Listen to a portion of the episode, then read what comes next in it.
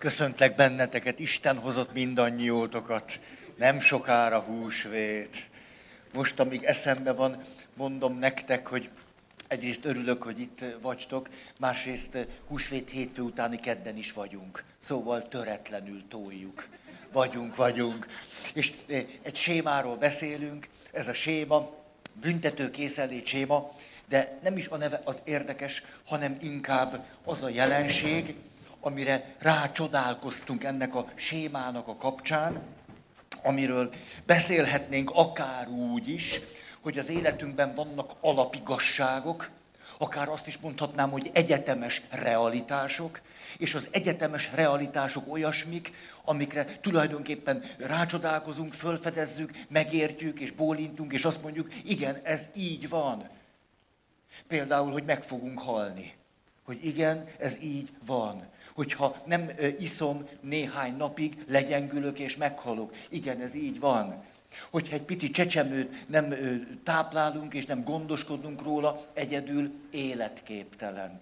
És a többi, és a többi. Hogy egyszerűen vannak olyan így nevezett egyetemes realitások, amelyek egyszerűen úgy vannak, ahogy vannak. És nagyon jól járunk el, hogyha ezekkel tudunk valamit kezdeni. De jó helyet találtál.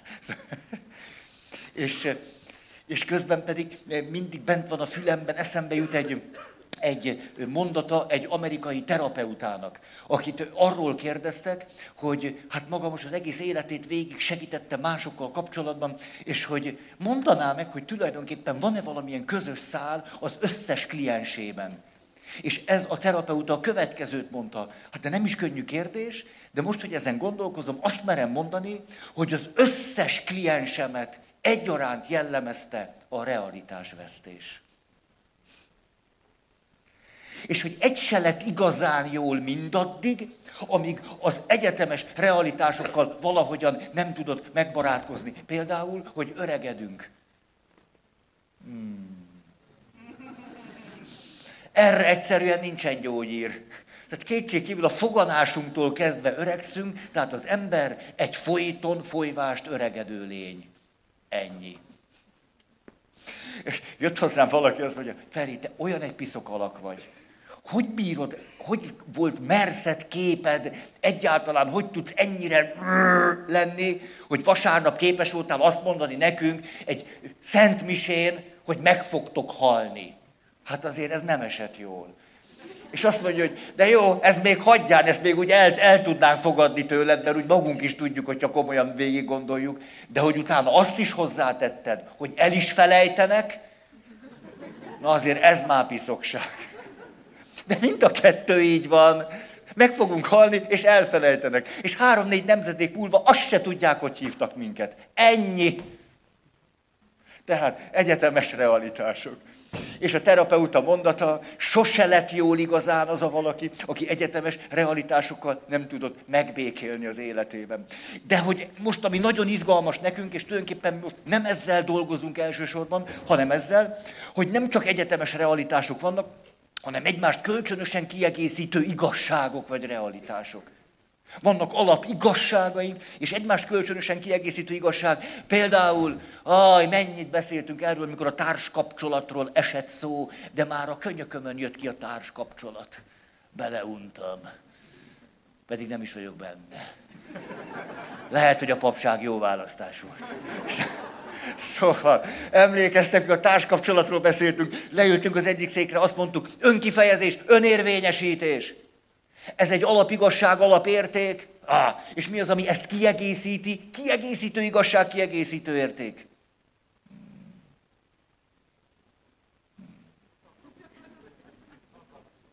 Hát ez az. Alkalmazkodás. Alkalmazkodás. És nem az a kérdés, hogy most alkalmazkodjak, vagy pedig most akkor képviseljem magam. Ez egy rossz kérdés, mert nem vagy, hanem is. Ez is, meg az is. És ami a nagy témánk, az az, hogyan találjuk meg ennek az egyensúlyát. Tehát amikor azt a kérdést teszem föl, hogy most alkalmazkodnom kell egy kapcsolatban, vagy egy kapcsolatban is fontos, hogy magamat kifejezzem és érvényesítsem, akkor a legrosszabb kérdést teszem föl. Mert pont olyan kérdést teszek fel, ami nem segíti az egyensúlyt. Márpedig az egymás kölcsönösen kiegészítő értékeknél, igazságoknál, szükségleteknél az egyensúlyra van szükség. Ilyen volt, emlékeztek, szenvedély, és ami kiegészíti, biztonság. Nagyon méről vágyjuk a szenvedélyt, és vágyjuk a biztonságot. Tehát nem vagy, hanem ez is, meg az is. És a kérdés, hogy, hogy, hogy találjunk egy jó arányt? Hogy talál akkor a férfi egy jó arányt? Hogy talál egy nő egy jó arányt? A kettő nem ugyanaz? Akkor ezzel a feszültséggel, hogy élek, akkor már van két feszültség, vagy három. A nő is feszült a saját egyensúly keresésében, a férfi is feszült, és a kapcsolat is feszül.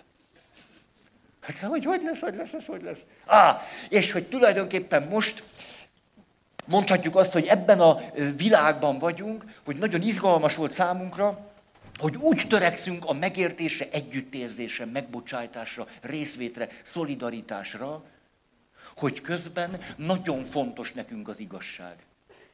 Hogy kivel, mikor, mi, hogyan történt.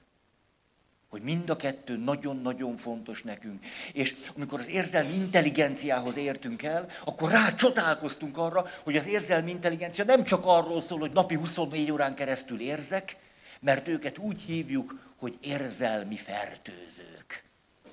24 órán keresztül fertőzik a környezetüket a különböző érzéseikkel és érzelmeikkel.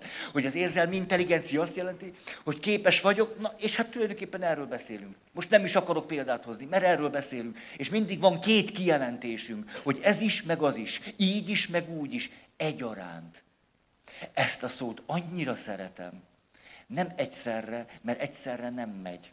Egyaránt. Egyaránt. Nem tudom, ebben a pillanatban most, és olyan izgalmas, jegyes csoportokban szokott olyan lenni, majd ha valaki jön, akkor próbálj úgy tenni, mintha nem emlékeznél rá. Jegyes csoport, és akkor például van egy ilyen gyakorlat, írjátok föl a hét leg, legyen nyolc. Hát felülem nyolc is lehet. A nyolc legfontosabb élményeteket a kapcsolatra vonatkozóan. És akkor felírnak, de külön kell dolgozni. Nem lehet összedolgozni. Külön. És a következő a szabály. Mikor elmondod, hogy számomra a kapcsolatunkban ez a nyolc a legfontosabb élmény, akkor a másik nem szólhat bele. Ez sokaknál már is egy, egy szinte váló ok. Hogy nem bírja megcsinálni, hogy fogok vele 50 évig élni, nem bírta, ki beleszólt. Hát nem szólhatsz bele, és főleg egy valamit nem csinálhatsz. Nem mond neki azt, hogy nem a Balatonnál volt, hanem a Velencei tónál. És nem mond, hogy 2014 volt, nem 2015. És nem mond, hogy csütörtök volt, mert szerda volt. Hogy ezeket most hagyjuk. Te milyen nagy dolog, hogy megengedjük azt, hogy valaki valamit átélt, ez az egyik, tehát milyen érzései keltődtek, milyen élményei és milyen emlékei vannak róla, de egyébként fontos tényleg, hogy a Balaton-e vagy a Velencei tó. Úgy egyébként ez fontos, csak mondjuk ebben a beszélgetésben nem annyira érdekes most. Na akkor, fölidézem nektek, hol a lapom, ha mennyit kell keringenem itt. Fölidézem nektek, ami eddig elhangzott, kiegészítő igazságok, érzelmi intelligencia. Mély érzések, plusz rálátás, reflexió az érzésekre. Kettő. Vágyak, érzések szabad kifejezése. Plusz, most nem ülögetek át, jó? A plusznál átültem, vegyétek úgy. Vágyak, érzések szabad kifejezése, plusz nem használja ki a másikat, és nem manipulálja azzal, hogy nagyon szabadon tudja az érzéseit megélni, kifejezni és megmutatni. Tehát a sírásával nem manipulál, a haragjával nem manipulál, és a többivel nem manipulál. Sértődöttségével nem manipulál. Három. Kötődik a szüleihez, miközben érzelmileg levált róluk. Negyedik. Fejlett én és identitás tudattal rendelkezik, plusz szabadon kifejezi, hogy mások is fontosak neki. Ötös, nyitott és befogadóképes, plusz határozott értékrendel rendelkezik. Hatos, szabad az önkifejezésben, plusz fejlett impulzuskontroll, érzelmi önszabályozás. Hetes, jóban van magával, Plusz érdeklődik mások iránt, kapcsolatépítő. Nyolcas, együttműködik, és egyensúlyt keres a kapcsolataiban, plusz fölvállalja a konfliktusokat. Á, tehát az együttműködésnek nem az az ára, hogy kerüli a konfliktusokat. És így eljutottunk oda, ahol még nem jártunk. Há, új anyag. Szuper. Azt mondja. Kilenc. Itt ülök, ugye érzések, érzelmek, azt mondja. Biztonságot adó személy. Mellette joggal, biztonságba tudom helyezni magam. Nem csak biztonságban érzem magam, mert az más hanem olyan személy, aki mellett, amennyire ez lehetséges, biztonságban tudok lenni. Azért például, mert elkötelezett, azért, mert nyílt, azért, mert hiteles, azért, mert azt mondja, ami van. Ha, tehát biztonságban tudok lenni mellette. És mi az, ami ezt kiegészíti? Most viszont átülök az újaknál, azt mondja, szereti a kalandot, a kockázatot, és hatékonyan kezeli a stresszt. Tessék, a váratlan helyzetekkel megküzd, anélkül, hogy kiborulna. Tehát ez a kettő egyaránt jellemzi őt. Hát akkor, mm, igen. A, tudjátok, ha, hogy a flow, azt itt tudjátok, hogy a flow, az áramlás élmény, amire azt mondjuk, hogy olyan önfelett vagyok, és elfelejtkezve magamról beleadom magamat valamibe, és elmélyülten csinálok valamit, hogy a flow az enyhe stressz. Ezt tudjátok. Ez nagyon-nagyon izgalmas. Ezért a flow nem egyenlő az óceán érzéssel. Mert az óceán érzés az, amikor majd az Adrián ülsz, nyomják a hátadat a kavicsok, és próbálsz úgy tenni, mintha nagyon boldog lennél. Már csak azért is, mert 57 hétig melóztál az all exkluzív útér. Ez lenne az óceánérzés, ha meg tudnád csinálni. Ez az óceánérzés, az stresszmentes állapot. A flow nem stresszmentes állapot. Ezért, aki igazán jól akar lenni, hát, ha-ha, akkor abban van, az, aki igazán jól van, flóban tud lenni, nap-nap után, abban mindig van kockázat. Hát gondoljatok csak bele, Csíkszent Mihály Mihály, olvastátok a könyvét. Hogy azt mondja, hogy igenis, amikor flóban vagyunk, miért is vagyok, miért élem azt át, hogy hatékony vagyok, hogy teljesen beletettem magam, hogy egészen megfelejtkeztem magam, hogy az erőimet össze kellett szedni. Azért, mert kétesélyes. Mert ha nem így csinálom, nem tudom megcsinálni. Ha nem így csinálom, el fogom rontani. Ha nem így csinálom, nem nyínkő belőle semmi jó. Ha nem így csinálom, nem születik meg belőle az, amit szeretném, hogy megszülessen. Háj!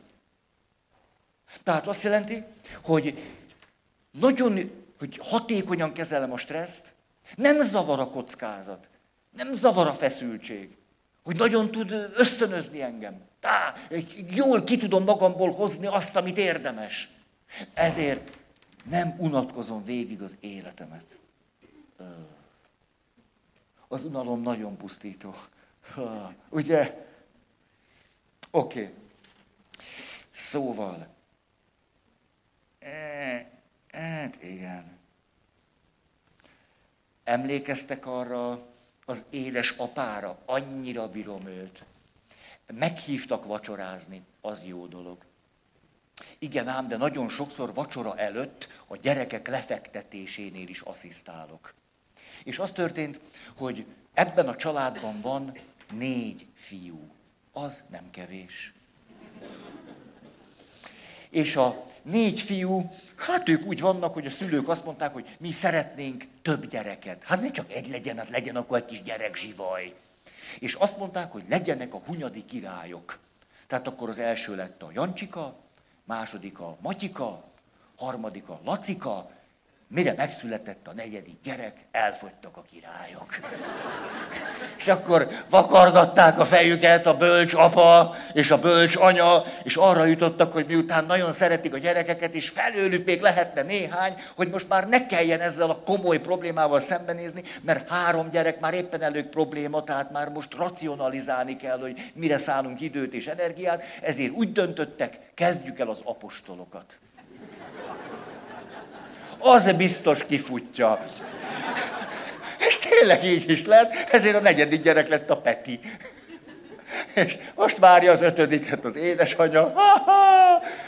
Jancsika. Szóval, tényleg, tényleg már lehet tudni, Jancsika lesz.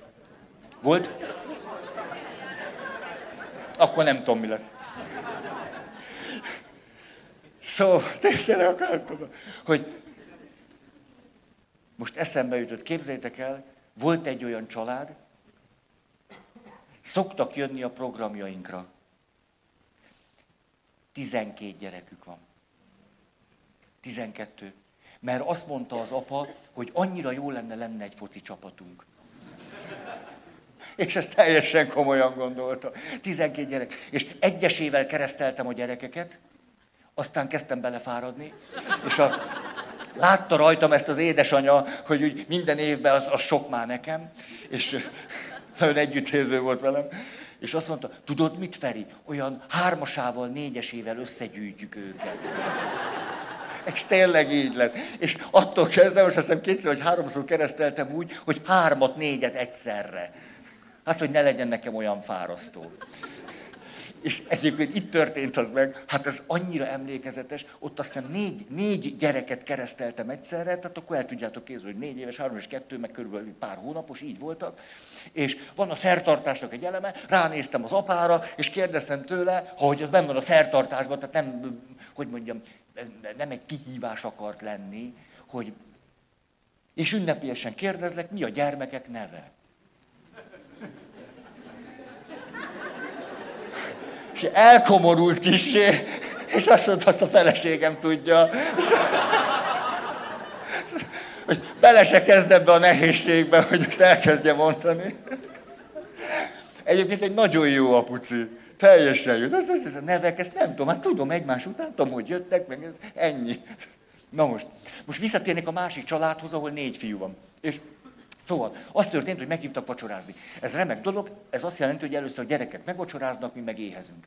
És akkor, hogy gyerekek megvacsoráztak, akkor ez rendben volt, utána összeültünk, ahányan voltunk, és megbeszéltük a napot, nagyon jó pofa volt, kivel mi történt, minek örült, mi, volt, mi, mi nem volt jó, és hogy, na. És azután az apa azt mondta, na, akkor fiúk, mert ugye, hogy fiúk, akkor jó éjszakát, most már aludjatok. És akkor kimentünk, makarónit ettünk, és arra gondoltam, hogy hány perc múlva jelenik meg az első kisfiú. És úgy tippelgettem magam, hogy öt perc vagy tíz, hogy tulajdonképpen hány menetünk lesz, miközben kajálunk, hogy egyáltalán fogunk-e tudni jól beszélgetni. És képzeljétek el, hogy egyetlen gyerek egyszer se jött ki. És közben tompa, puffanások, moraja sem hallatszott a gyerekszobából. Tehát kétségkívül valami olyasmi volt, ami, amiben ők megállapodtak. Hát azért ez szöget ütött a fejembe. És megkérdeztem az édesanyát, ezt mond meg nekem, hogy meg tudtuk enni a vacsorát úgy, hogy egyetlen gyerek se jött ki. Ez csoda. Mondd meg, hogy mi a titka. És a feleség annyira jó fej volt, azt mondta, a férjem hogy ő a kulcs. És ez az az apuka, akiről egy pár évvel ezelőtt beszéltem nektek, hogy amikor elkezd esni az eső, akkor azt mondja, na gyerekek, vegyétek fel a futócipőt, megyünk futni. De nem egy szadista apáról van szó, aki esőbe kergeti a gyerekeit, mert ő is fölveszi a cipőjét, és azt mondja, kalandra föl! Egy kicsi faluban élnek. A kicsi faluban úgy hívják őket, hogy a bolond család hogy gyorsan mennek az elnevezések, és mondjuk, hogy lehet azt látni, hogy mindenki bezárkózik az eső elől, és közben meg egy apa fut a kicsi gyerekeivel, és azt csinálják, hogy futnak az esőbe, ez a kaland, meg a stressz, meg a kihívás, meg minden, meg is lehet fázni, meg kockázatos, meg kicsit bolond dolog, És amikor elérkeznek körülbelül a falunak a táblájáig, hát még óvodás a legkisebb, hát nem tudnak sokat futni, akkor megfordulnak, és az apa azt mondja, na mostantól kezdve, amíg hazaérünk, bele lehet ugrani a pocsolyába. És a gyereke úgy trappolnak, pocsolya, sikongatás, és akkor megérkeznek, és le az összes cucc, be a, az anya már ott áll, ki van nyitva a mosógép, tolja be a cuclikat, és van egy nagy kádjuk, hát négy gyerekre már érdemes, és a cuccok mennek a mosógépbe, a gyerekek meg a kádba. De úgy négy fiú. És akkor ott még leül az apa ott a kád sarkára, még dumálgatnak, meg minden fölelevenítik, hogy most az tényleg nagyobb pocsolya volt, meg az tényleg piszokság volt, meg nem igaz, hogy még az arcom is saras lett. Emlékeztek talán két alkalommal ezelőtt, hogy John Gottman azt mondja, hogy az érzelmi intelligencia fejlesztésében egy érzelmileg intelligens apa olyan örökséget tud adni a gyerekének, amit az édesanyja nem is. De nem azért, hogy most ütköztessük az anyával, hanem hogy lássuk azt, hogy milyen iszonyatosan izgalmas ez. Ah, hogy mit jelent, hogy egyszerre ott van a biztonság, és egyszerre ott van a stressz és a kaland. Hogy ott van az, hogy igen, meg is lehet fázni. Ott van az, hogy ezt tényleg nem csinálja mindenki. Ott van az, hogy ezek a gyerekek a futóversenyen tolják már. Rajtszám, büszkeség, diadal. És közben, és közben honnan indultam el? Hogy amikor az apa azt mondja, gyerekek, most akkor alvás, akkor van a szavának súlya egy ilyen apa, aki azt tudja mondani, hogy most erezd el a hajamban, most megyünk az esőbe, most pocsolya, most őrület. Tehát de nagy dolog, ott van egy ilyen apa, és végig tudja csinálni a gyerekeivel azt a folyamatot, hogy az őrület, és az őrületből aztán egy lenyugvás, és a fürdés, és a beszélgetés, és jó étpuszi, és béke. Hát ez jó. És nyilván ahhoz, hogy egy apa négy fiúnak ezt az érzelmi, ezt meg tudja csinálni, ahhoz ő neki elég jól kell kezelni az indulatokat. A magáét is, meg nyilván a gyerekekét. Szóval ez a királyság. Na, ez volt akkor az első új pont. Itt szoktam kezdeni. Tehát hatékony stresszkezelők biztonságot is adnak. Mind a kettő igaz. Hajrá kaland, gyere, nálam megnyugodhatsz. Következő, együttérzők, átülök ide, és prima a realitás érzékük. Tudnak nagyon együttérzők lenni, az érzelmi összetartozásukat ki tudják fejezni, miközben a realitás érzékük pompás.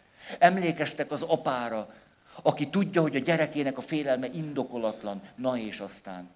Tud együttérző lenni, az érzelmi összetartozását ki tudja fejezni, miközben azt gondolja, hogy a félelme indokolatlan.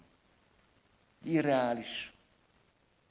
Hogy nem indokolható a helyzetből, hogy egészen túlzás, hogy tulajdonképpen a, vagy mondjuk egy felnőtt embernél a neurózisának a tünete, a sémájának a tünete. Szoktatok ti egymással pszichologizálni? Ó, ne. Léci, léci, léci. Mondjuk, mondjuk húsvét vasárnapig ne. Hát mondjuk hétfőig. Hogy úgy függesszétek föl egy kicsit a pszichológizálást, léci. Nem, nem esik jól nekünk. Normális embernek nem esik jól. Általában az esik jól nekünk, hogy valaki együtt érző velünk, és ezt kifejezi. És amikor azt mondja, hogy hát ez egy anyakomplexus, ilyen csúnya fajta, Hát egyszerűen ezt nem kérjük, köszönjük szépen, ebből nem kérünk. És hogy milyen izgalmas, hogy hát ti most a képzettek vagytok, ma annyit tudtok a sémákról, hogy az őrület. És milyen nagy dolog, hogy elkezdesz valakivel beszélgetni, és megvan ma a füled, megvan a szemed, a jó szaglásod, az a csökkent értékűség szégyen. Hát ezt tolja most már nekem tíz perce. Mondta, hogy Margit, Margit, muszáj veled beszélnem, képzeld, mi történt, ez szörnyű, semmire sem vagyok képes, nem tudok semmit megcsinálni, olyat, így aludni sem fogok tudni, már csomó kataflábot beszettem, ez nem igaz. Tényleg szörnyű az élet. És akkor, te pontosan tudod, hogy ez mi. Ha, csökkent értékűség szégyen. És? És akkor mi van? Tudod, hogy csökkentési szégyen séma, és amikor sír, együtt érzel. Ó, ó, mert az egy valódi szenvedés. Tudjátok, hol a legnehezebb? Borderline szindróma. Vagy mondjuk személyiségzavar, mondjuk így. Borderline. Ha van köztetek olyan. Hát miért ne lenne? Biztos van egy-kettő. Nagyon puszi nektek. A, ha valaki borderline, na az nagyon-nagyon-nagyon rettenetesen sok szenvedéssel jár.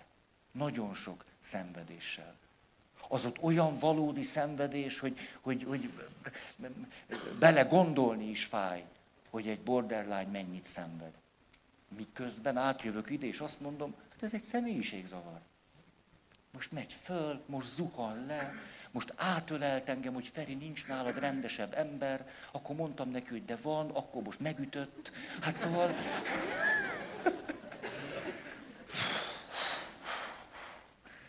hogy milyen nagy dolog. Néha ugye van egy-egy olyan, hát olyan személy, egy borderline személlyel nagyon nehéz együtt élni. Most akkor biztos van köztetek olyan, aki felesége vagy egy borderline férfinek, vagy férje vagy egy borderline asszonynak. Minden megbecsülésem a tiéd. Mert akkor tudod csak jól csinálni, hogyha ipari módon tudsz itt is, meg ott is lenni, mert különben megveszel. Azt, hogy ha persze, hogy fontos az együttérzés, mert itt valódi szenvedés van. Azért, mert tudom, hogy borderline, attól ő, az még ott szenvedés. És attól, hogy ez itt valódi szenvedés, attól még tudom, hogy ez körülbelül micsoda. És ezért tartok határokat. És azt mondom, szó se lehet róla. Ezt nem. Á, nem. Szóval mikor borderline személyiségzavarral küzdő embereknek a segítését tanultam, akkor a következőt mondta a terapeuta, aki tanított bennünket. Azt két dolgot mondott. Az egyik azt mondja, ha csoportba érkezik egy borderline személyiségzavarral küzdő ember, nagy kincs. Mert ő nem sokat gondolkozik azelőtt, mielőtt csinálna valamit, és az érzéseit spontánul ki fogja fejezni. Ez azért lesz nagyon jó a csoportban, ugye ez most akkor itt történik, azért lesz nagyon jó a csoportban, mert általában az önismereti csoportok tele vannak neurotikus, szégyenkező emberekkel, akik 25-ször meggondolják, hogy szólnak-e egyet. Ezért a neurotikus szégyenkező emberekre egy borderline gátlástalansága nagyon pozitívan hat. Mert azt élik meg, hogy a nem jóját ilyet is lehet, és nem rúgják ki őket a csoportból. Hát ez nagyon izgalmas, ezért fölbátorodik az összes neurotikus szenvedő ember, hogy talán akkor ő is mondhatna tíz almanként, alkalmanként egyszer egy mondatot, hogy fáj. Ha nem zavarja ez a többieket. De ő nem akar senkinek a terhére lenni. Szóval ez volt az egyik, amit megtanultam, hogy nagyszerű a csoportban legalább kéne egy borderline szindróma, vagy a személyiségzavar, mert az nagyon jó. Nagyon felszabadító, aki bírja. Aki nem, pusztulat. És a másik, a, tényleg így van, azt mondta, nagyon kedves terapeuta, azt mondja, nézd Feri, nem én voltam ott egyedül, de azt mondja, amikor egy segítő borderline személyiség zavarral élő személlyel beszélget, de ezt még nem tudja, akkor általában eljut oda, hogy valószínű ő nem jó segítő, és vissza kéne adni a diplomámat.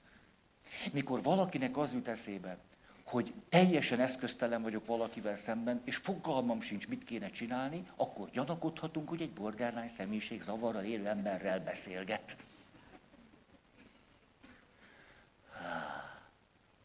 Ezért van, hogy hihetetlen módon rászorulunk arra, hogy el ne engedjük a realitás vonalát, egy kicsit se. Nehogy beszívódjunk az érzelmi hullámvasútba. Ez egy képzavar. Nem beszívódni az érzelmi Arra fölülni lehet az érzelmi hullámvasút. Másik pedig, Hát ha meg egyáltalán nem vagyunk ott, ami, ahol ő érez, hogy egy, egy pici részvét nincs bennünk, miközben ott valódi szenvedés van, hát akkor az, hogy ez milyen kapcsolat lesz? Hát az hogy? Nem mondhatom neki egy percenként, hogy személyiség zavar, mert amit átél, az neki nagyon fáj.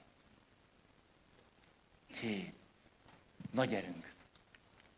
Tehát úgy szólt ez a mondat, hogy együttérző és nagyon jó a realitás érzéke. Hmm. Igen.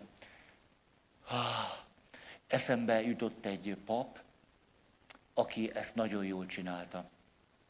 Ment hozzá a fiatal klubtársa, és azt mondja, te, én, ez az ötvenes években volt.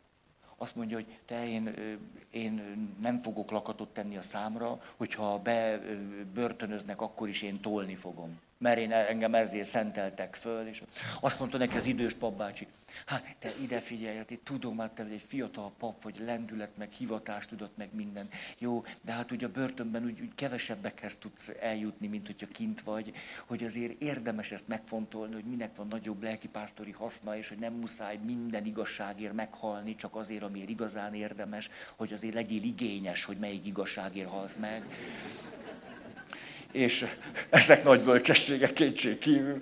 És akkor a, meghallgatta ezt a fiatal pap, azt mondja, hát ez nem, nem, nem, engem fölszenteltek, én tolni fogom akármi is az ára. Erre azt mondta az idős babácsi, jó, hát nézd, én ezzel nem értek egyet. De hogyha valami tör, bajot történne, én legyek az első, akit fölkeresel. Há, itt van az egyaránt hogy ez is van, meg az is van. Egyáltalán nem értek veled egyet. De ha segítségre van szükséged, én leszek az első, aki segítek neked. Szerintem ez egy pocsék döntés, de ha bajod esik belőle, számíthatsz rám. Mit szóltok ehhez? Hát ez de nagy dolog ez. Szóval egyáltalán nem értek veled egyet. Hogy amiről te most beszélsz, amit most mondasz, tulajdonképpen ez a sémád. Azt tudod, hogy most a sémádat mondtad el? Hát ez a sémád. De miután látom, hogy nagyon szenvedsz, azért most akkor szobba is hagyom, és most együttéző leszek 20 percig. Hát mert látom, hogy szükséged van rá. Most akkor nem zargatlak azzal, hogy ez itt egy tévedés. Mert egyébként az. Tehát most úgy, hogy húsvét felé közeledve, hát nem tudom, újból meg újból eszembe jutnak a nénik, tudjátok, akik feküsznek a kórházba, és akkor elmegyek hozzájuk, és azt mondja, jaj, Feriki, jaj. Ezt mondjuk öt percig, és akkor, hát, én azt nem értem csak, hogy miért büntet engem Isten. Hát mivel érdemeltem én ezt ki? Hát minden vasárnap voltam misé.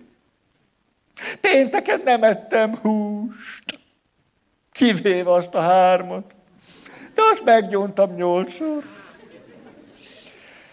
És akkor, tudom, hogy erről beszéltem már nektek, de ilyenkor nagybőjtben megszaporodik a gyóntatással töltött idők száma, és ez bizonyos emlékeket fölidéz bennem, hogy mikor fiatal pap voltam, akkor gondoltam, hogy üljünk a realitás székére.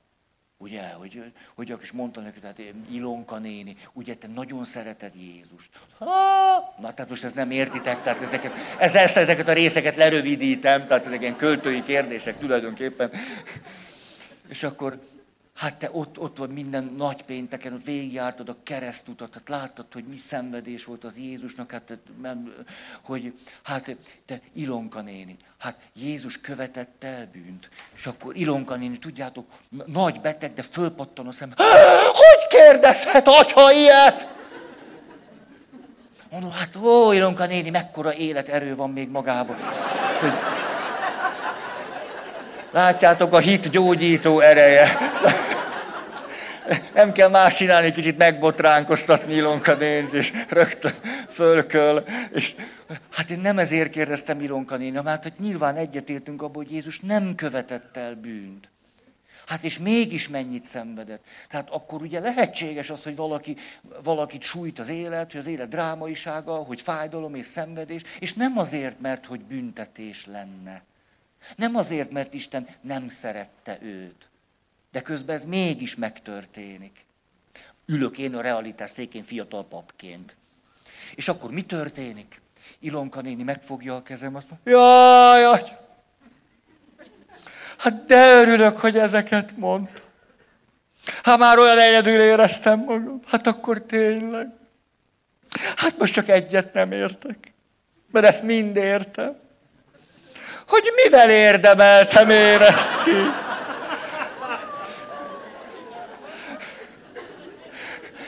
És amikor ez velem megtörtént minden évben egy csomószor, akkor megtanultam azt, hogy nagyon fontos a realitás, de nem kell mindig azzal előhozakodni.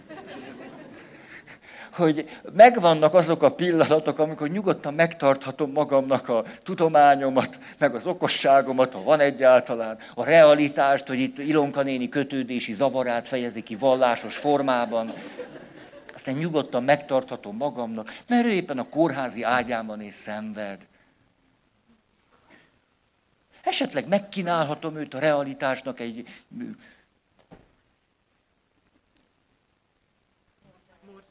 De milyen odanyosan vagytok ez, ez a morzsa, morzsa, morzsájával. Oh, na ez az együttérzés. Lá, úgy éreztétek, hogy elakadtam, ugye, hogy így... És azt mondja, szegény, hát már elmúlt ötven. Hát 50 fölött már a morzsa az nem biztos, hogy eszébe jut. Tehát még a kenyér csak-csak megvan, de már aztán annál, annál kisebbek. Tehát kenyér vész, kell. De, de, de, de érte, puszi nektek, hát értetek, érdemes élnem. Hát, tényleg. Na, de, aj, tényleg, épp múltkor jutott eszembe, hogy, hogy na, mindegy, nem jutott, most elfelejtettem. Elfelejtettem. Csak hogy, hogy, hogy néha hogy érdemes használati utasítást adni magunkhoz, hogy, hogy mikor beszélek, tulajdonképpen ezt nem tudom, hogy ti tudjátok-e, hogy én egy csomó bizalmat szavazok nektek. Nagyon sok bizalmat. Nagyon. Mert ha nem bíznék bennetek, sokkal, értitek, minden mondat mellé állítanék egy papot, három mondatonként egy püspököt. Én, hogy, hát ugye, akkor ezt most értitek, ugye? Tudjátok, hogy ez hogy van? Mindent nagyon magyaráznék. Az, hogy ezt nem csinálom, az a bizalmam jele. Hogy bízok bennetek. Hogy, hogy tényleg hogy ez, ez jutott eszembe, és elkezdtem ezen gondolkozni, ez néhány nappal ezelőtt jutott így eszembe, hogy ti vajon ezt tudjátok-e? Hogy oké. Okay. De most nem azért értitek, nem azért, hogy valami nagy szám lenne, vagy nem tudom, mit most kéne. Nem azért. Ez csak egy, egy morzsa volt most, amit én... De engedem is el. A fontosabb témáink vannak. De nem tudom már, hol jártam. A, a néninél maradtam. Tehát ott hogy de nagy dolog, hogy, hogy háttérbe tudjuk rakni, de nem felejtjük el a realitást. De nem, nem vesztem szem elől. Tudom, hogy itt egy kötődési zavarról van szó, ami most Istenről való beszéd formájában nyilatkozik meg. Tehát még él az Ilonka néni másfél hetet. Most, most milyen kötődési zavarról kezdjünk el vele beszélgetni? akkor tudom a realitást, ugye amennyire tudom, hát ki tudja azt, és akkor úgy el, el, elengedjük. Nem szem elől tévesztjük, csak úgy lerakjuk, hogy jó, jó van. Te gyerek fél, és tudom, hogy indokolatlan a félelme. Fél, hogy a gumikacsa életre kell éjszaka, és elharapja a torkát. Hát, hát, de miért ne félhetne valaki egy horror kacsától? Tudom, hogy nincs így, de attól még leülök az ágya mellé. Szóval te, kitalálunk valami gumikacsariasztót. Főleg a horror kacsákat elriasztjuk. Oké. Okay. Gyerünk, megyek tovább.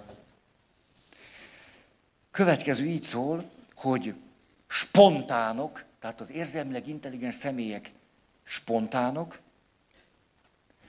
tudatosak és kontrollálni tudják magukat.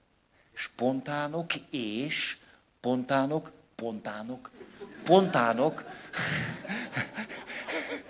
igaz, az és spontánok, ez, ez értitek. Tehát é, tehát é pontánok, ja nem, fordítva van, hogy és spontánok, közben tudatosak, tudatosak, és képesek a nagyon jó önkontrollra. Há, csak most nézem, hogy mi jutott eszembe így 50 fölött erről. Ó, oh. Puh. Képzeljétek, mi történt. Hát ezt föl kell állnom, ez egy olyan esemény, hogy kimentem a hétvégén a konstrumára. Na, voltatok ti? Nagyon érdekes volt. Micsoda választék van műfűből. És tényleg, tényleg, nagyon nép, tapogattam a műfüveket, és oda mentem egy műfüves bácsihoz, és megkérdeztem, hogy az összes műfűnek az alja ennyire érdes.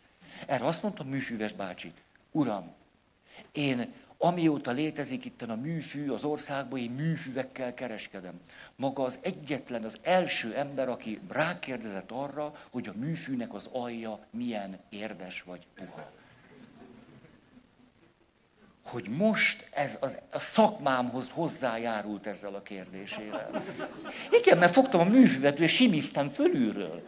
És utána érdeklődésem támad, hogy alul milyen. És mi titeket nem érdekel? Ti mindig csak a felszínt látjátok? Nem, én, nekem ez egy szakmai ártalom, én rögtön a mélyére akarok nyúlni, és, a, és én meg, megfordítom, fú, de durva ez itt. És megkérdeztem, hogy hát tudjátok, a spontaneitás miért ne szabadna kérdezni. És nagyon durva dörzs is. Hát akkor jó. De az az érdekes, ez most nem volt érdekes, csak nekem. És a, mert most tudom, hogy milyen a színe, meg a fonákja. És a kettő között van a műfű. És, a, és megkérdeztem, Ja nem, ott jöttem, mentem, éppen, hogy el voltam csodálkozva, hogy milyen érdes a műfű alja, hát a, a, amit ugye senki nem lát, mert pont az van a talajon. És szóval egyszer csak tik-tik-tik megkopogtatja valaki a vállam. Azt mondja, ja! Nem így mondtam, mert egy férfi volt. Hát ez de nagy dolog, hogy mi összefutunk. Hát két napja írtam egy e-mailt, tehát nem, nem válaszoltál. Hát persze, mert nem is, nincs is. Na, tehát mindegy. És hogy hát ez hihetetlen, hogy mi a konstrumán összetalálkozunk, mert én azt írtam az e-mailbe, hogy vasárnapon, kettő órakor a kapszlin, pszichológus cucli, hogy te ott tartasz egy előadást, és én arra gondoltam, mert hogy az én, az én drágám, az én Brünnhildám, nagyon szereti ezeket a pszichócuccokat, hogy talán örömet okoznék neki, hogyha te előadásod keretében kérném meg a kezét.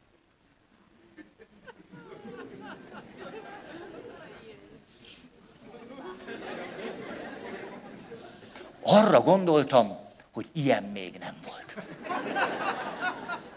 És a műfű után jöjjön a menyasszony kérés. És mondtam neki, hogy szuper, üljenek előre, beveszek, a, beveszek az előadásba egy ilyen jegyes páros történetet, hogy jól lehessen kötni az eseményt. És akkor egyszer csak majd megállok, és ti jöttök. És tele volt a terem, és elmondtam a jegyeses történetet, és mondtam, ja, lehet, hogy most valami váratlan fog történni.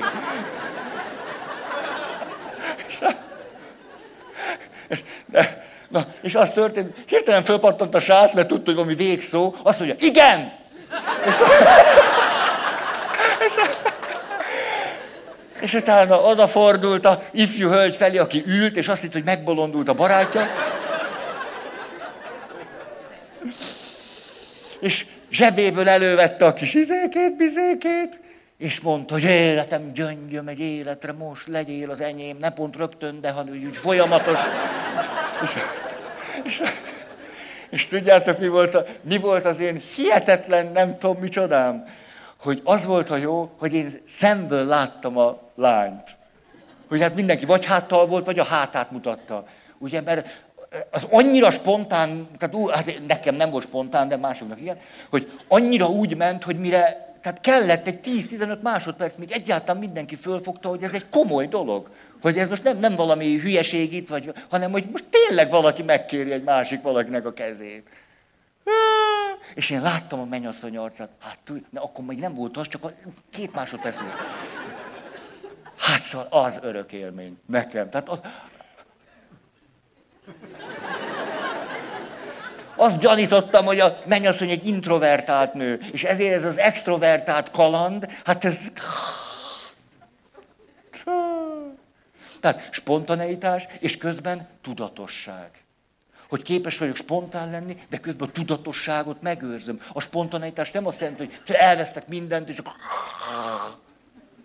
Ah, spontaneitás és tudatosság. Spontaneitás és önkontroll egyaránt. Plusz. Ah. A derekam 50. Ó, nem, nem fáj egyébként, csak nem bírom ki, ezt most nem. Na jó van. Ez csak azért van, mert rendszeresen gyógytornázok. 50 fölötti társaim. Gyógytornázzatok. Kalandra föl.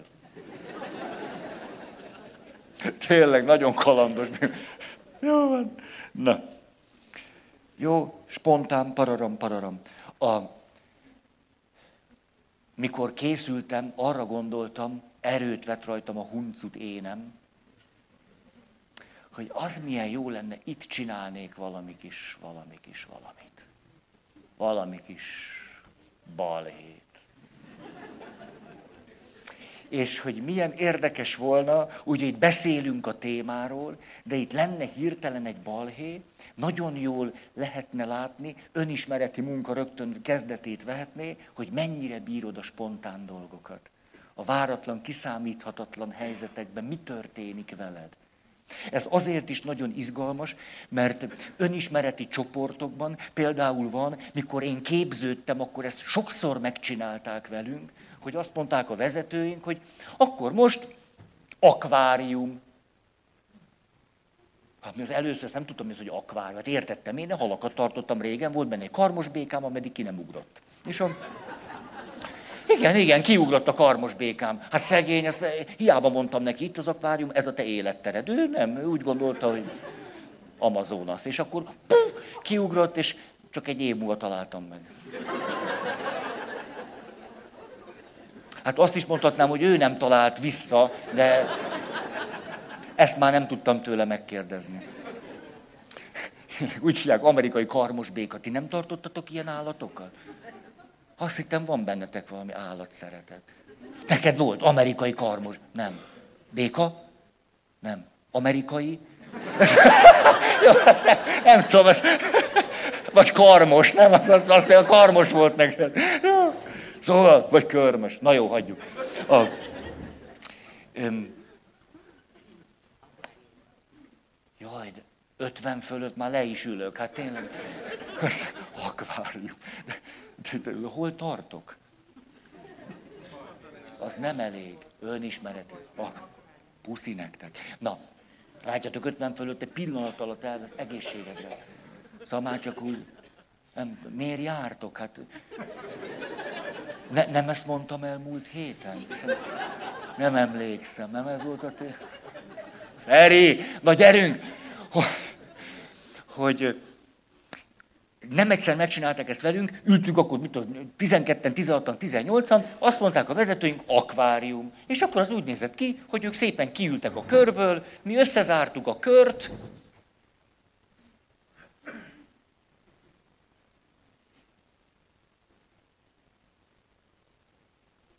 és nem volt semmi instrukció. És ott ültünk egy körbe, vezetők ott hátul, hogy ez a végtelenül egyszerű dolog. Hogy csak mi csak kiülünk a körből, ti akkor legyetek most így együtt. Hogy az a többségnél milyen zavart okoz. Most ezt miért csinálják velünk szerintetek? Azért ez, ez, ez, azért ez túlzás, nem? Most mi most tesztelnek minket, e, ugye elindul a beszélgetés. Mindenki hozzátesz valamit, hogy hogy éli meg azt, hogy nincsen szabály. Hogy tulajdonképpen most nyílt tere van annak, hogy bármi megtörténhet. És milyen, milyen, na, és hogy akiktől a legtöbbet tanultam, csoportvezetőktől, ők a legjobbak éppen abban voltak, hogy meg tudták azt tenni, hogy leültek, és azt mondták, hogy hát a mai napnak semmi, semmi előre tervezett programja nincsen. Miért kéne, hogy legyen? Hát nektek van egy csomó önismereti témátok, ezek pillanat alatt itt lesznek. Mire ugye valaki két másodperc múlva azt mondja, jó, de most akkor, akkor akkor most, most, most, de mikor fog ez elkezdődni? Most egy csomó idő el fog menni feleslegesen. Azt mondja, ó, gyere csak, akkor ezt most, most már meg is van a témánk. Mert ez azt jelenti, hogy a két másodperc olyan feszültség szintre jutott, azt mondja, hogy most nincsenek keretek, most nem lehet semmit tudni, most itt, hát fizettem azért a nyolc óráért, és ugye öt perc elmegy azzal, hogy itt nézegetjük egymást. Három perc alatt fejest ugrottunk az önismereti témába. Már lehet is vele dolgozni. A, azok, akiktől a legtöbbet tanultam, ebben zseniálisak voltak. Azt mondták, bár, bár, bár, bármivel tudunk dolgozni. Nincs, semmi, nincs, nincs olyan helyzet, amivel ne tudnánk dolgozni. Ezért bármi ide jöhet. Nem kell előre most kitalálni. Hát attól vagyok csoportvezető, hogy na, na, bármi. Na, szóval a huncit nem azt gondolta, hogy itt most vagy csinálunk valami balhét. Aztán nem. Nem, 50 fölött milyen balhé, az ember örül, hogy még valahogy elketyeg. Balhé. Na most. Következő. Önbecsüléssel élnek. Eltűnt a másik cég. Látod, ez épp elég fárasztó nekem. Az érzelmileg intelligens személyek önbecsüléssel élnek, és plusz egyaránt az önbecsülés mellett a gyöngeségeiket több-kevesebb nehézség nélkül beismerik. Hát az önbecsülésük egyáltalán nem függvénye semmiféle tökéletességnek. Ahogy az önbecsülésnek semmi köze a tökéletességhez, de aki érzelmileg intelligens, ez át is éli. Tehát minden olyan alkalommal, mikor egyszer csak kiderül, hogy valamit elrontott, valamit nem tudott, valami ez nem, nem járatlan, ez nem kezdi ki az önmagához fűződő pozitív érzelmi viszonyát. Ha. Hát önbecsülés, és közben nagyon szabadon be tudom látni, hogyha valamiben ügyetlen vagyok, vagy gyönge. Hát most akkor nagy bolyt előtt két dolog jut eszembe erről. Az egyik, ha belenyaltatok valamelyik nagybőti pénteken a húsba, vagy a levesbe, vagy a húslevesbe, vagy bármi húsosba, akkor tudom, hogy ezt nem lehet így, de mégis azt mondanám, hogy én most előre 50 évre mindenkit föloldozok ez alól. Tudom, hogy ilyen nincs. De, hogy mondjam, az élet annál értékesebb, mint hogy ilyesmit gyónjatok meg. Hogy belenyaltál pénteken a húslevesbe. Szerintem erre nincs idő. Ez egy egyetemes realitás, az élet nagyon rövid. Ilyesmivel ne töltsük. A másik, ez a kedvencem, hogy milyen izgalmasan, szubjektíven lehet megélni mondjuk igazságokat vagy realitásokat. Például jön valaki és azt mondja, hát én jöttem gyónni, igen, szeretnék akkor bűnbánatot tartani így húsvét előtt. Hát nagy az én bánatom, atya. Nagy. Nagy. Ezzel mindenképp el akartam jönni. Szóval amit a menyem velem csinál, hát azt, azt nem lehet sírás nélkül. Szóval ar, hát ez, ez, ez az én bűnbánatom. Szóval az, az, azok a bűnök, amiket a menyem ellene elkövet, hát most ez a legnagyobb bánatom. Más bűnömre nem emlékszem.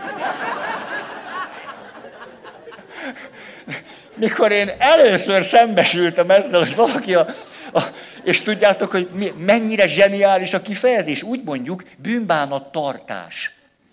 Hát ő tartja is. Húsz éve, hogy azért menjem, húsz éve mondja, menjem oda. Ez az igazi bűnbánattartás.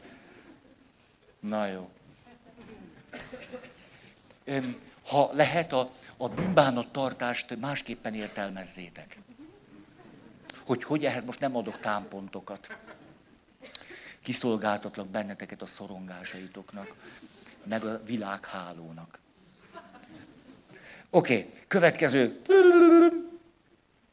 Ha, ne, itt még írtam három betűt. A, a, a.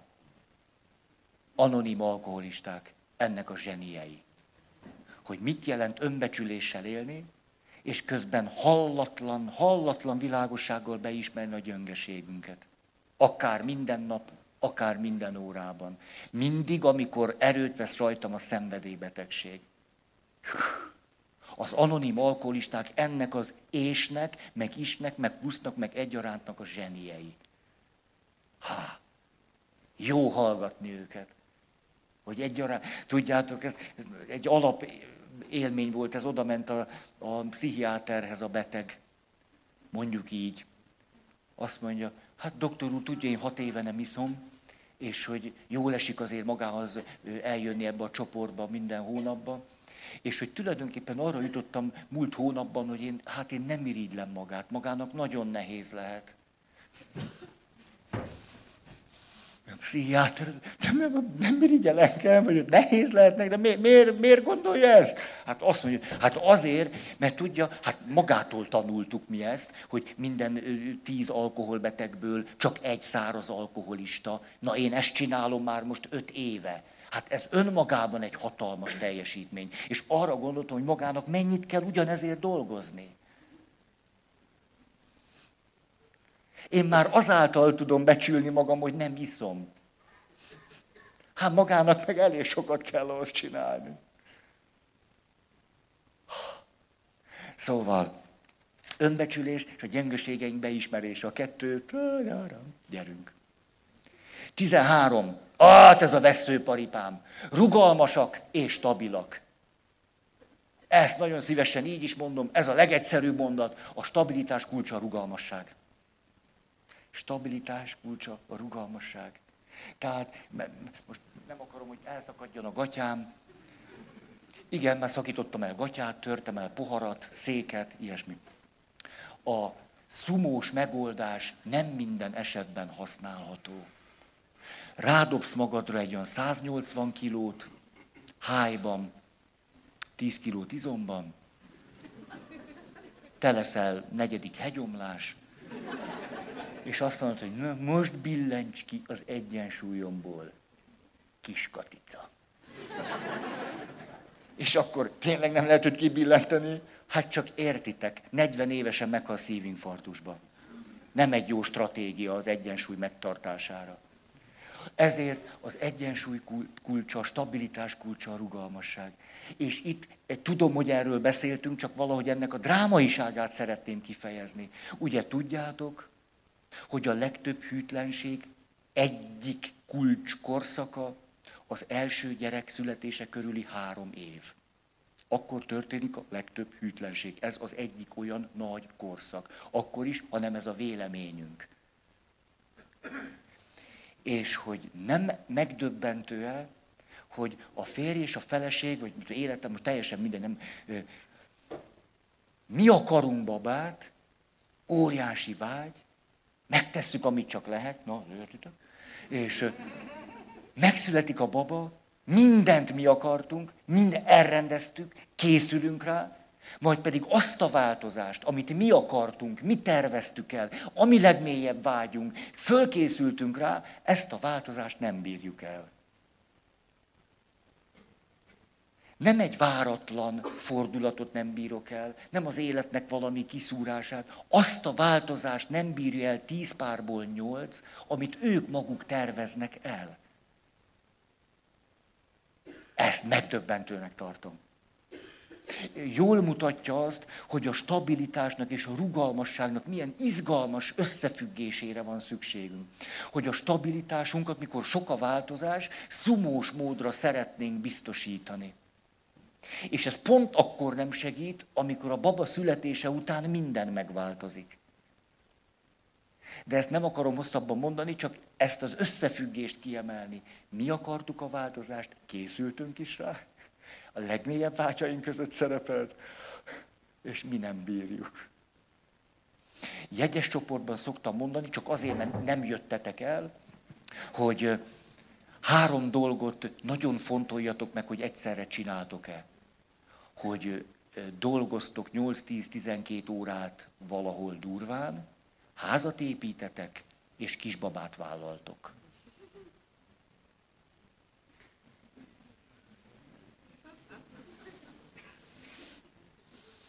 a magyar polgár beleszokott degleni. De annyi ilyen történetem van, hogy nem bírok erről nem beszélni. Tehát ezért az akkora változás, ugye azt szokták mondani, hogy, hogy, hogy ebből a háromból kettő is elég.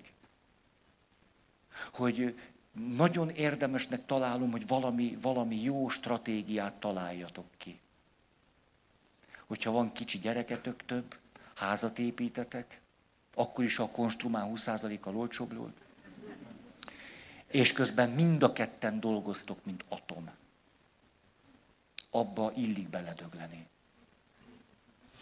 Olyas, olyan valakik bírják ezt, akik, így mondja a szakirodalom, nagyon komoly kapcsolati tartalékokkal rendelkeznek. Hogy ilyenkor ugyanis föléjük a kapcsolati tartalékainkat. Mert ez azt fogja jelenteni, hogy egymásra olyan kevés idő és energia jut, hogy ilyenkor tulajdonképpen a zsírunkat éljük föl. Az addig fölhalmozott értékekből élünk, abból, hogy, hogy mennyire szerettük egymást, amikor még kifejeztük, hogy milyen jó volt egymással időt tölteni, amikor még töltöttünk egymással időt, de jó volt beszélgetni akkor, amikor még nem volt három gyerek, de jó volt kettesben elmenni valahova, amikor még nem voltak csecsemőink. Föléjük a zsírunkat. Ezt nem tudom másképp mondani. És hogy, na, hogy stratégiai döntésekre van szükség. Stratégiai döntések. Ah,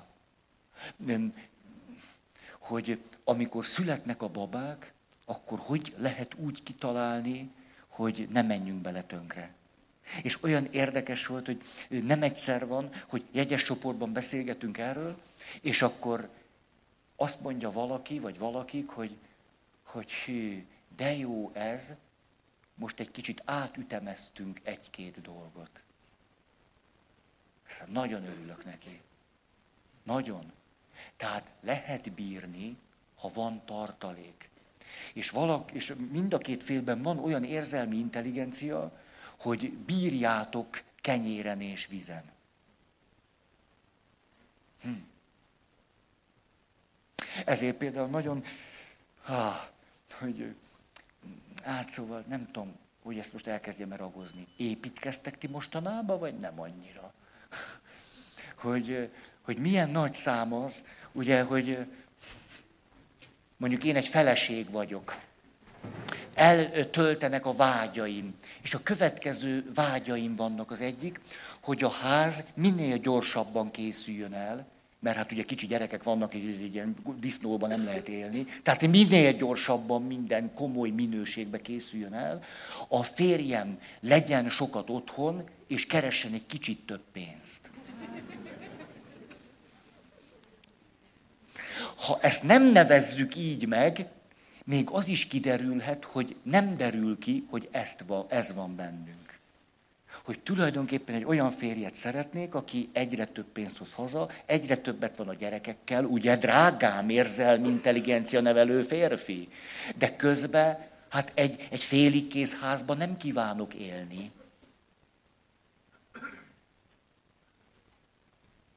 Eljutott ennek a lehetetlensége hozzátok. Azt lehetne mondani, hogy tudjátok, ez így van, hogy, hogy valamelyikből biztos egy picit le kell adni. És szerintem nagy gyerek legyen.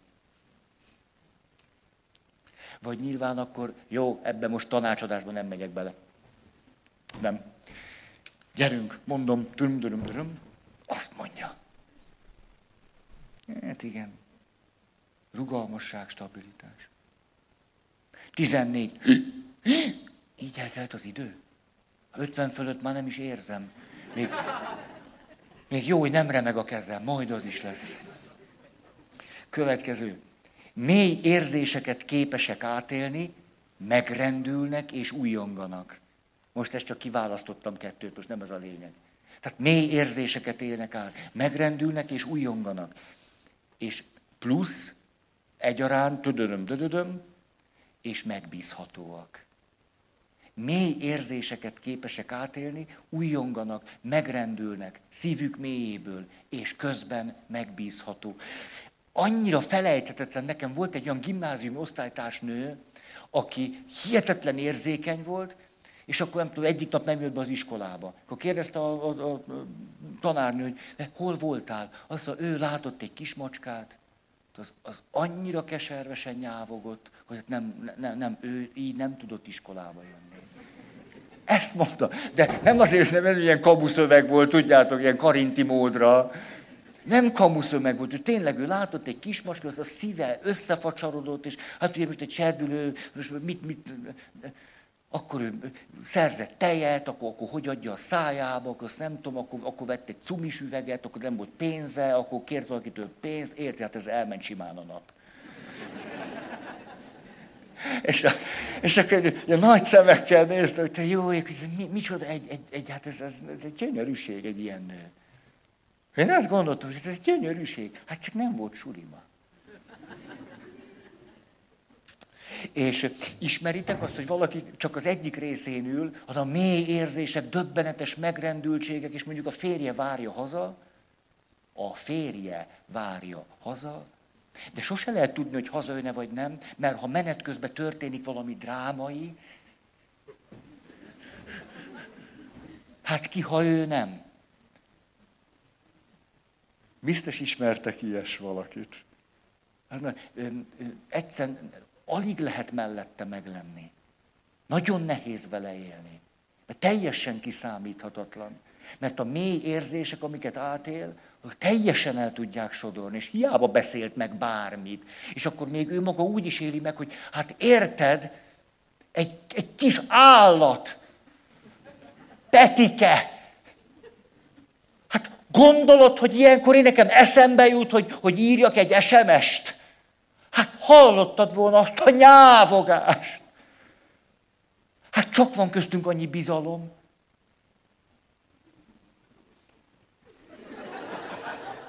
És a, ugye a másik véglet, soha, semmi megrendülés. Újongás? Na, az pláne nem. Még hülyének néznek. Tartottam egy előadást egyházig berkekben, azt mondja valaki, hogy lehet 50 évesen ilyen éretlen?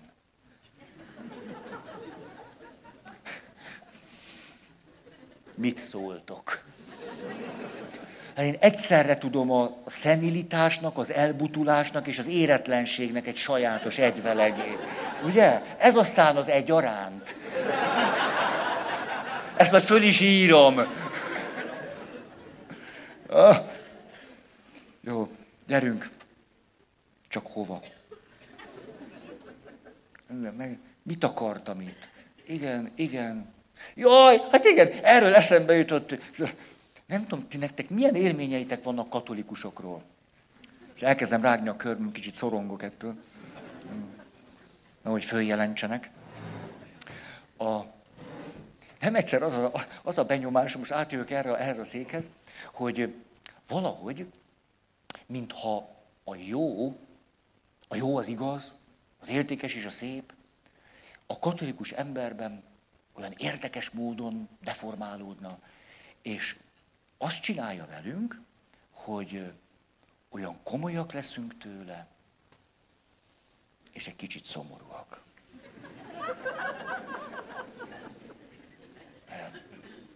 Mert, az olyan igaz. Jó.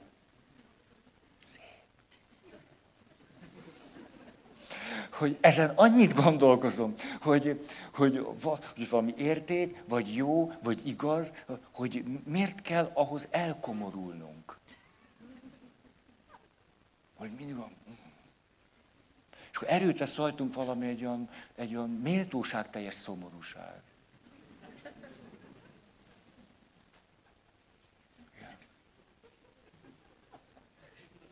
Mél, méltón éljetek. Ezt én egyszerűen nem értem. Annyira nem értem, hogy arra gondoltam, hogy a gyerekeket kell megkérdezni, mert a gyerekek még talán nem romlottak el. És kérdeztem egy misén őket, mondjátok meg gyerekek, mondj, de, de most, hogy, mert tudjátok, én nem tartok szentbeszédeket, mert nem is tudom, hogy kéne azt csinálni. Mert a beszédet értem, a, a másik azt, azt nem tudom. Hogy, mondom, hogy figyeljetek, hogy szerintetek lehet-e, szabad-e sírni a templomban? Az összes gyerek arca. Hát láttam, hogy nem annyira megrendültek, hogy nem rakják fel a kezüket, hogy tegye fel a kezét, aki szerint a templomban szabad sírni, szomorúnak lenni. Egy kéz erdő. Arcukon is láttam, hogy... Jó, nagyon köszönöm. Köszönöm. Én szerintem is így van. Szabad-e a templomban kacagni, nevetni, újongani, lelkesedni?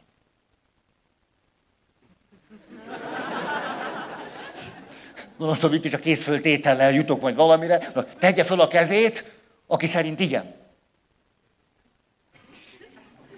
Egy gyerek föltette a kezét, az anyja. Szinte hallottam, ahogy súgja neki. Nem lesz előtt a volt.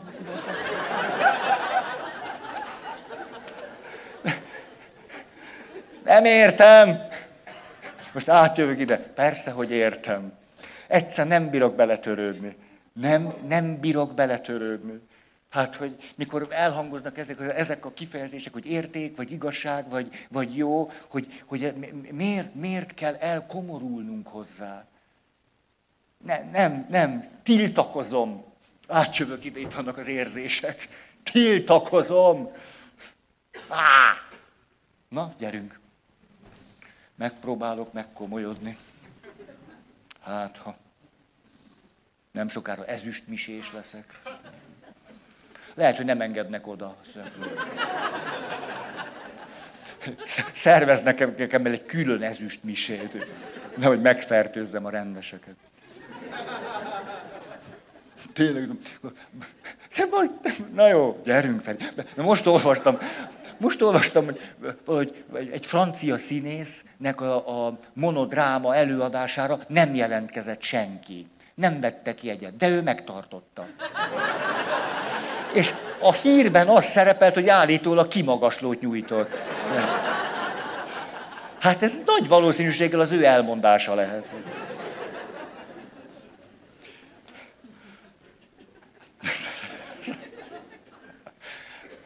Lehet, hogy kicsit szétestem? Jó, még egy, de nem fér bele semmi. Hát mit nézegetek én itt ilyen szövegeket, meg mi? Hát ne idő van. Szóval hát ezzel kezdtük. Minden kednek egyszer vége lesz. Ez, ez már csak így van.